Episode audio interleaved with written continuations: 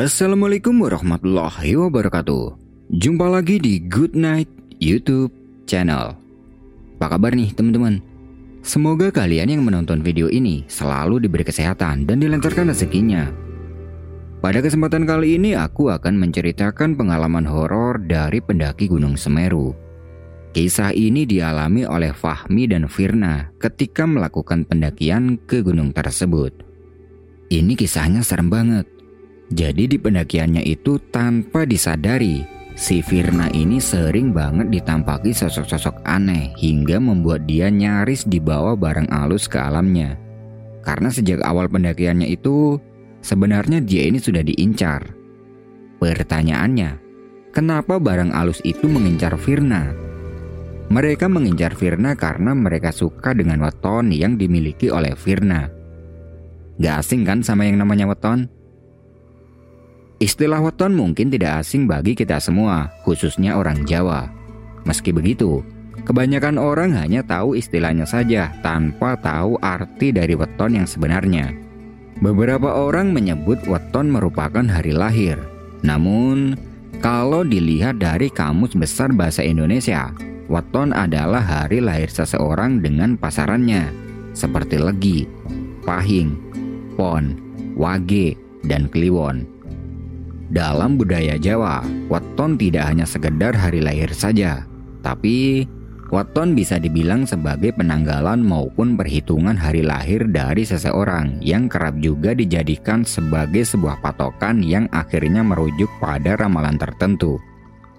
Nah, Fahmi dan Firna ini pacaran, dan kejadian yang dialami Firna itu sampai membuat Fahmi ini benar-benar emosi, sampai-sampai dia berani menantang mereka. Untuk cerita lebih lengkapnya silahkan simak video ini sampai selesai. Good night.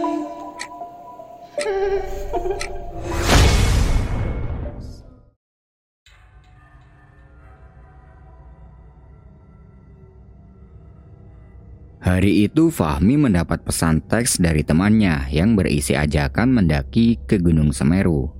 Jadi, Teman-temannya Fahmi ini kebanyakan adalah pecinta alam dan dia juga suka banget sama kegiatan yang berhubungan dengan alam. Fahmi bertanya dulu ke teman-temannya itu, mendakinya ini mau sampai ke puncak atau sampai di Ranukumbolo saja. Kalau cuman ke Ranukumbolo saja, dia kurang minat karena dulu dia sudah pernah ke sana. Tapi temannya itu bilang kali ini niatnya akan mendaki sampai ke puncak. Fahmi tertarik nih dan dia ingat sama Firna. Ini kalau ngajakin Firna pasti dia bakal seneng nih. Pikirnya. Dia coba menghubungi Firna dan Firna langsung bilang mau ikut. Dia seneng banget karena dia ini pernah melihat fotonya Fahmi ketika berada di Ranukumbolo dulu. Dan menurut Firna, itu pemandangannya keren banget. Oke lah, Fahmi memutuskan untuk berangkat bareng dengan Firna. Dia minta sama Firna buat latihan fisik dulu mulai dari sekarang. Dan singkat cerita, tibalah waktunya mereka berangkat.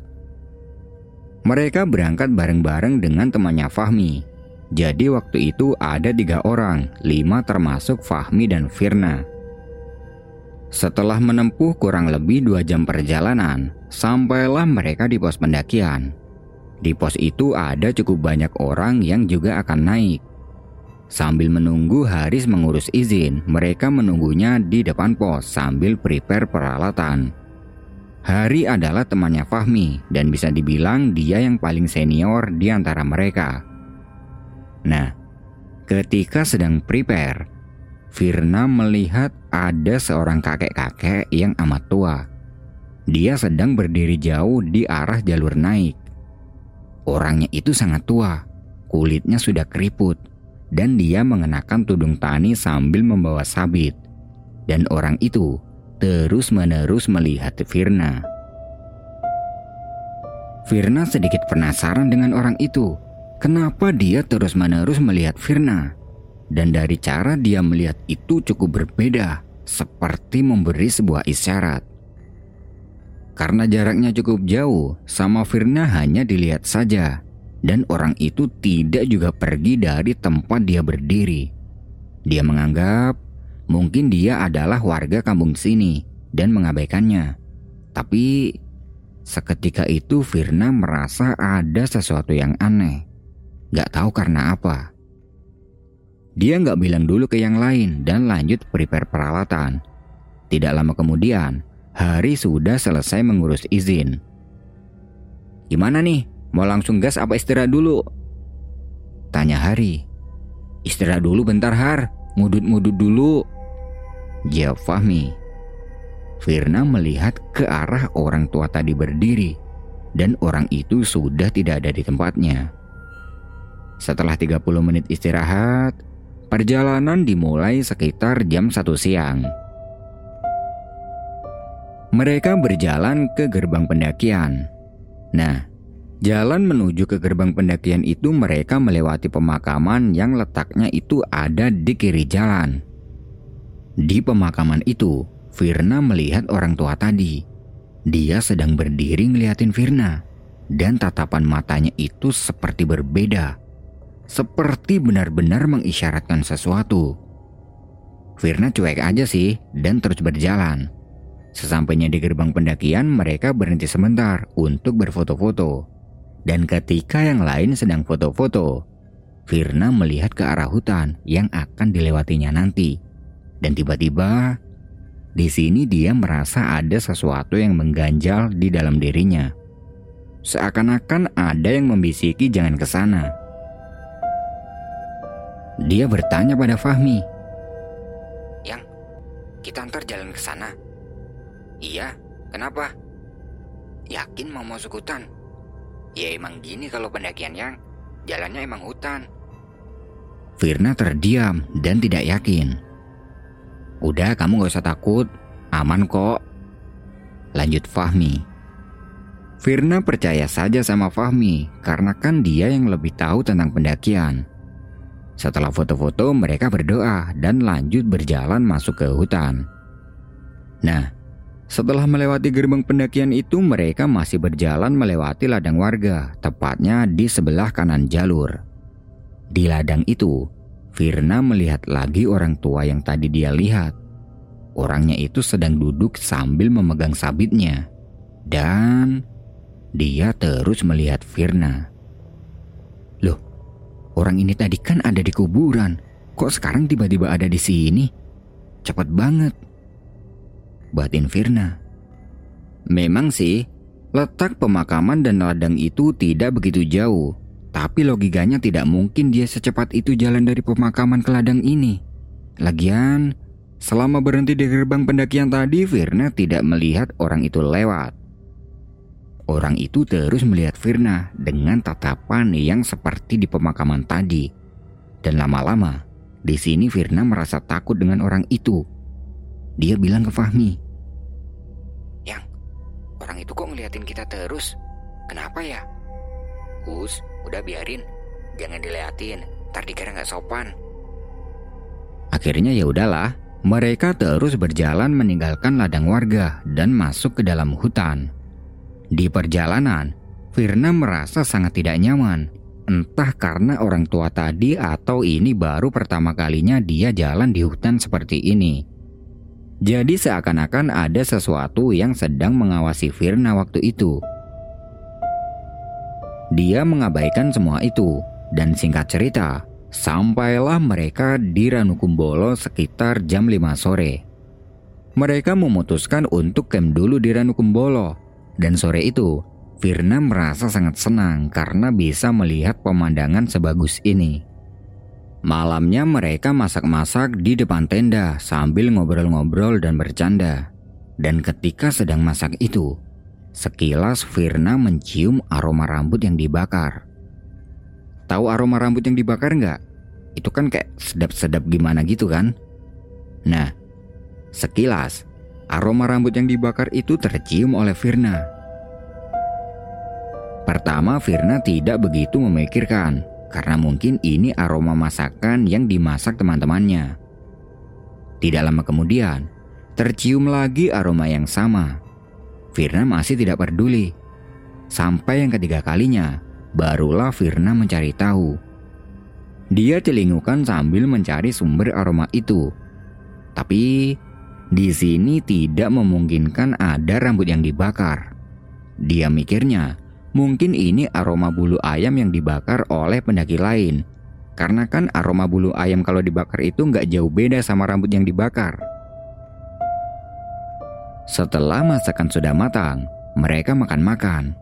Dan ketika sedang makan itu, Firna tersedak sama sehelai rambut yang cukup panjang. Hati-hati Toyang kalau makan, ucap Fahmi. Firna menaruh makanannya dan mengeluarkan rambut yang membuatnya tersedak itu. Tapi ada yang aneh dari rambut itu. Setelah dikeluarkan rambut itu ternyata panjang banget. Kira-kira ada satu meter gitu. Dan itu hanya sehelai. Pertanyaannya, ini rambut siapa? Kalau rambutnya Firna sendiri itu tidak mungkin, karena rambutnya Firna itu nggak sepanjang ini. Dia membuang rambut itu, kemudian lanjut makan. Dan kali ini, tiba-tiba makanan yang ada di piringnya Firna ini menjadi lembek, seperti nasi yang sudah basi. Sempat Firna mau muntah dibuatnya, karena menurut Firna makanan itu udah nggak bisa dimakan, sama dia nggak dihabisin. Dia lanjut makan roti.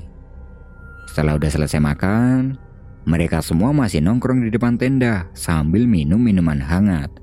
Dan di sini, Firna tidak mengatakan soal tadi kepada yang lain karena dia menganggap yang tadi itu hanya kecelakaan kecil saja. Karena malam sudah larut, mereka semua masuk ke dalam tenda untuk tidur. Fahmi, Hari, dan dua orang lagi tidur satu tenda, sedangkan Firna tidur di tenda sendiri. Jadi waktu itu mereka hanya membawa dua tenda saja. Nah, ketika sedang tidur, Firna ini mimpi aneh. Dia sedang berada di sebuah tempat yang sebelumnya belum pernah dia datangi. Dan di tempat itu, dia melihat Fahmi dari kejauhan. Dari tempatnya itu seperti sebuah kota banyak orang dan kendaraan yang berlalu lalang. Dari kejauhan itu Fahmi teriak memanggil Firna sambil melambaikan tangan. Karena dipanggil, Firna berjalan ke arah Fahmi dan belum sampai dia di tempatnya Fahmi. Terasa dengan jelas ada yang memegang pergelangan kakinya dan itu membuat Firna terbangun. Setelah bangun, dia masih mendengar suara Fahmi yang terus-terusan memanggil dari luar tenda. Katanya, Firna ini disuruh keluar karena di sana tempatnya sangat enak. Firna bingung. Ini kenapa Fahmi manggil-manggil dia terus di luar? Dia pengen keluar tapi tidak jadi karena di luar sangat dingin. Di dalam tenda aja dinginnya udah minta ampun, apalagi di luar dan gak mungkin juga Fahmi memanggil Firna dari luar. Firna menganggap itu hanyalah halusinasi karena kebawa mimpinya barusan dan dia mengabaikannya kemudian lanjut tidur lagi. Sebelum tidur, terasa dengan jelas ada yang memegang pergelangan kakinya. Di sini Firna kaget sama dia ditendang aja dan setelah ditendang itu yang megang kakinya tadi udah gak kerasa. Yang ada dalam pikirannya Firna sekarang bukan suara Fahmi dan siapa yang memegang pergelangan kakinya tadi, tapi mimpinya barusan.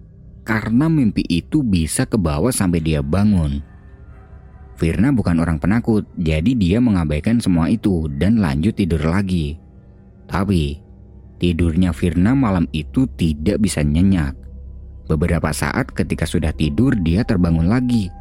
Dan pas bangun yang kedua kalinya ini, dia mendengar dengan jelas ada hembusan nafas berat dari sebelah kanannya. Sontak, dia langsung melihat ke arah kanan. Tapi di sebelah kanannya ini tidak ada siapa pun. Dan suara hembusan nafas tadi juga udah hilang. Dia lanjut tidur lagi. Dan tidak berselang lama, dia terbangun lagi. Karena dari luar tenda dia mendengar ada suara gending Jawa klasik.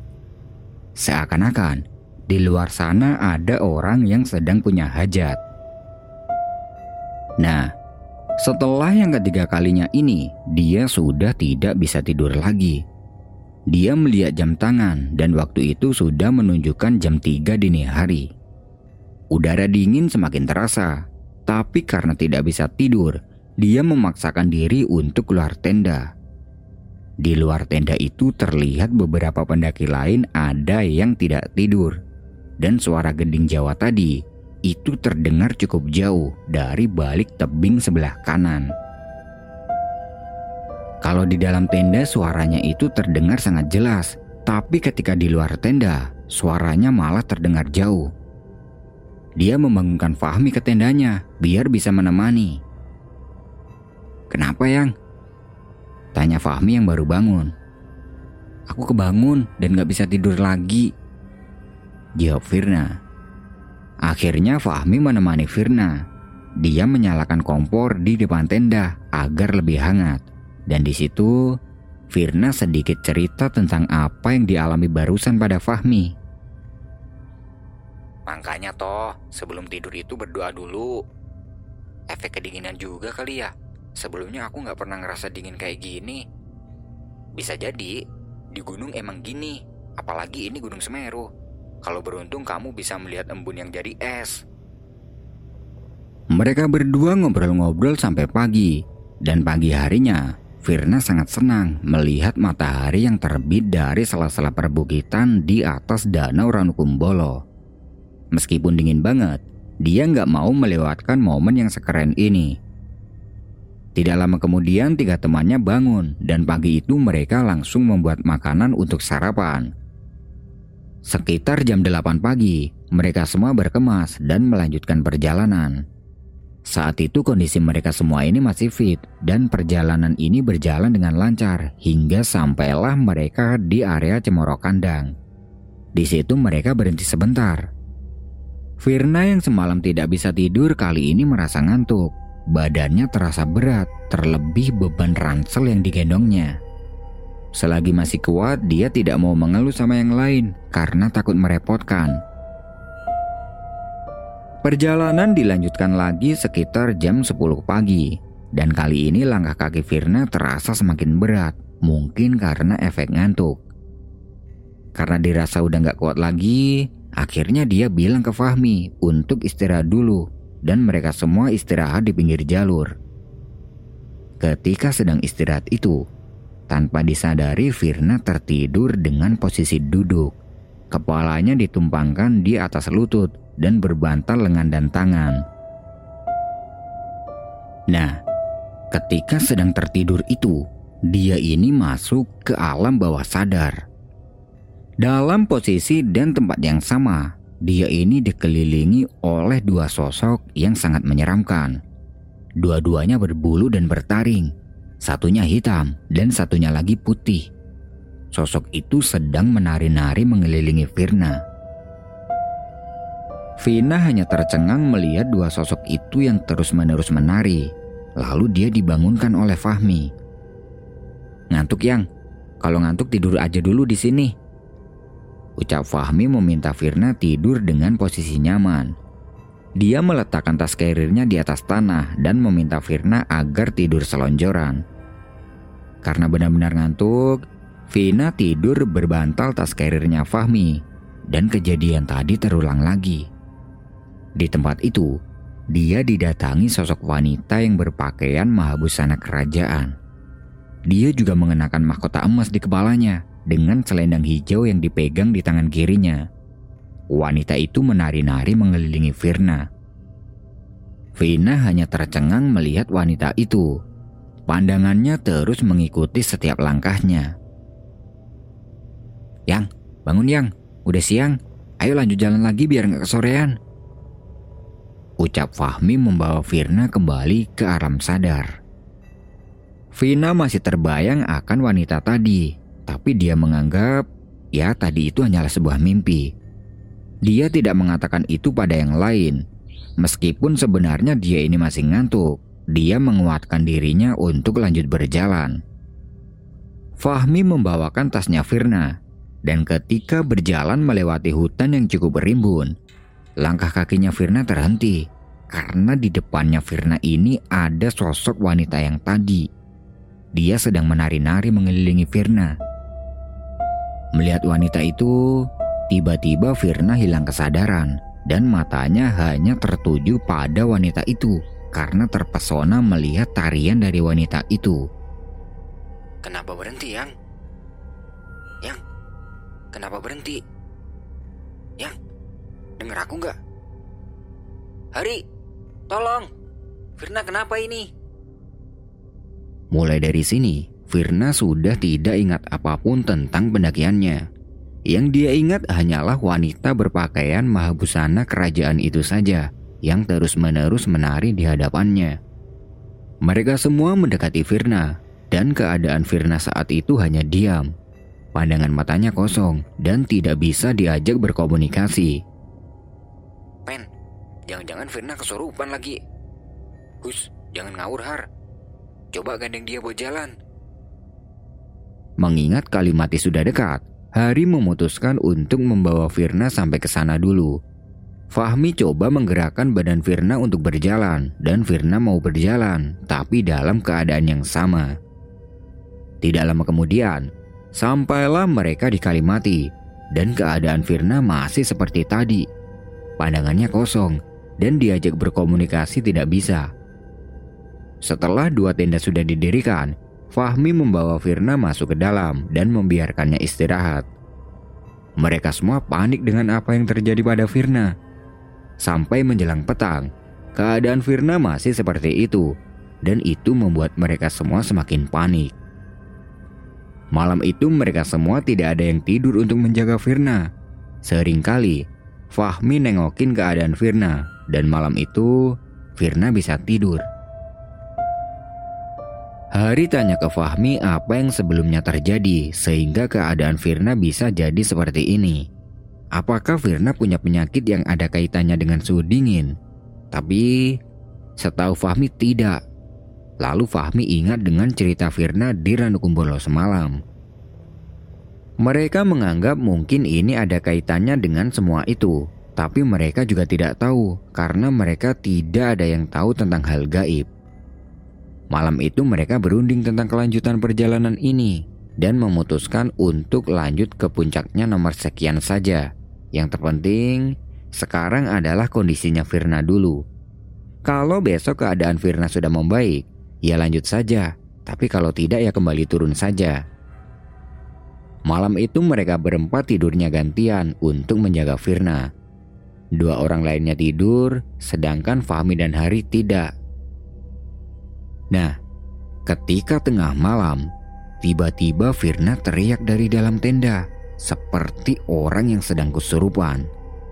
Hari dan Fahmi membangunkan dua orang yang sedang tidur. Dan malam itu, Firna memberontak dan teriak mau pulang. Katanya dia punya rumah di hutan arah menuju ke puncak dan dia pengen pulang ke sana. Sempat Firna ini memberontak keluar dari tenda dan akan lari menuju ke hutan yang dia maksud itu, tapi sama yang lain ditahan. Keadaan itu membuat beberapa pendaki lain pada datang dan menanyakan apa yang sedang terjadi. Beberapa pendaki lain menyimpulkan kalau Firna ini sedang kesurupan. Beberapa saat memberontak, dia tenang lagi dan memberontak lagi, dan begitu seterusnya. Dia masih bersikukuh pengen pulang ke hutan karena katanya di hutan itu ada rumahnya. Keadaan ini tentu membuat Fahmi nangis dan marah. Nangis karena keadaan Firna yang seperti ini dan marah dengan makhluk lain yang sudah merasuki Firna. Sampai-sampai dia ini berteriak dan menantang mereka yang sudah merasuki Firna. Kata-kata kotor semua diucapkan Fahmi untuk makhluk yang sudah merasuki Firna itu karena saking kesalnya. Teman-temannya pada menenangkan Fahmi dan lama-kelamaan kemarahan Fahmi sudah mereda. Dan semalaman, sering kali Firna ini memberontak dan pengen lari ke arah hutan untuk pulang. Sekarang urusan ke puncak sudah mereka lupakan Pagi itu keadaan Firna sudah lebih tenang dan tidak memberontak lagi. Mereka mengemasi barang-barangnya dan membawa Firna kembali turun. Beruntungnya, Firna masih bisa diajak berjalan meskipun tatapan matanya masih kosong. Sesampainya di Ranukumbolo, Firna diistirahatkan di bangunan shelter. Dia didudukan bersandar dinding. Tidak lama kemudian, tiba-tiba Firna berdiri dan dengan sigap yang lain pada menenangkan Firna karena takutnya dia lari seperti semalam. Lalu, tiba-tiba ada orang tua yang datang ke shelter. Dan samar-samar Fahmi ingat dengan orang itu. Ternyata orang itu adalah orang tua yang pernah dikasih tahu Firna ketika perjalanan naik kemarin yang berada di ladang warga. Orang itu datang dan memberi salam pada Firna. Lalu dia berkomunikasi dengan Firna, tapi mereka tidak ada yang tahu apa yang sedang dibicarakan. Bahasanya itu seperti bahasa Jawa zaman kuno banget, kayak bahasa Jawa masa kerajaan gitu. Dan anehnya, si Firna ini mau merespon dengan bahasa yang sama. Mereka semua terheran. Ini Firna kok bisa ngomong pakai bahasa kayak gitu? Tidak lama berkomunikasi, tiba-tiba Firna langsung lemas. Dia pingsan, dan orang tua itu bilang pada mereka agar tidak usah khawatir, karena sebentar lagi dia juga akan sadar. Sambil menunggu Firna sadar, orang itu memberitahu sesuatu pada Fahmi dan yang lain, bahwasanya sejak awal dia masuk ke hutan Gunung Semeru ini sebenarnya dia sudah ditandai oleh genderuwo yang menginginkan Firna. Kenapa bisa begitu? Karena weton yang dimiliki Firna ini disukai oleh genderuwo itu. Dan yang membuat Firna menjadi seperti ini itu bukan karena genderuwonya, tapi sukmanya Firna ini sengaja dibawa oleh ratu penguasa danau Ranukumbolo ini agar tidak dibawa oleh genderuwo itu. Sebenarnya, tadi orang tua ini tidak ngomong apa-apa pada Firna, tapi sama ratu itu. Dan sekarang, sukmanya Firna sudah kembali ke raganya. Orang itu menyarankan agar membawa Firna kembali turun setelah dia sadar nanti dan akan ditemani oleh orang itu agar tidak ada yang berani mengganggu Firna lagi. Setelah sadar, Firna benar-benar bingung. Kok tiba-tiba dia ada di sini? Terakhir yang dia ingat adalah dia berada di hutan dan melihat wanita yang sedang menari. Kita di mana? Kok tiba-tiba ada di sini? Kita di Danau Kumbolo. Ceritanya panjang. Nanti aja ya aku ceritain di rumah. Sekarang keadaan kamu gimana? Baik kok, aku gak kenapa-napa, cuman sedikit pusing. Firna juga kaget karena melihat orang tua itu tiba-tiba ada di sini. Ternyata orang itu sudah mengikuti mereka sejak kemarin, hanya saja mereka tidak menyadarinya. Hari membuatkan Firna teh hangat. Setelah dirasa sudah lebih baik, mereka kembali berjalan turun.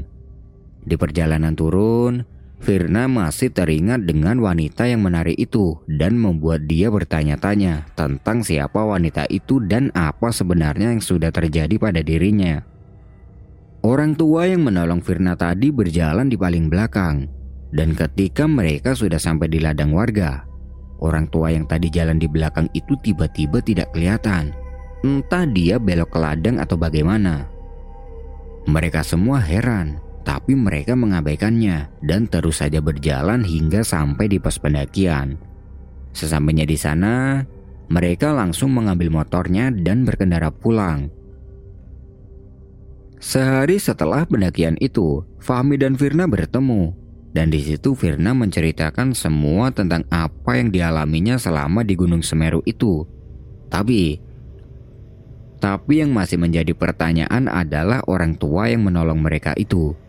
Sebenarnya dia ini siapa? Orang apa bukan? Kok tiba-tiba saja dia hilang pas perjalanan turun? Tapi siapa pun orang itu, mereka semua mengucapkan terima kasih. Meskipun dia bukan manusia, semoga hidupnya selalu dirahmati Tuhan Yang Maha Esa. Nah, itu tadi adalah pengalaman horor yang dialami oleh Fahmi dan Firna ketika melakukan pendakian ke Gunung Semeru. Terima kasih buat teman-teman yang sudah nonton video ini sampai selesai. Aku pamit undur diri dulu ya. Good night and see you next time.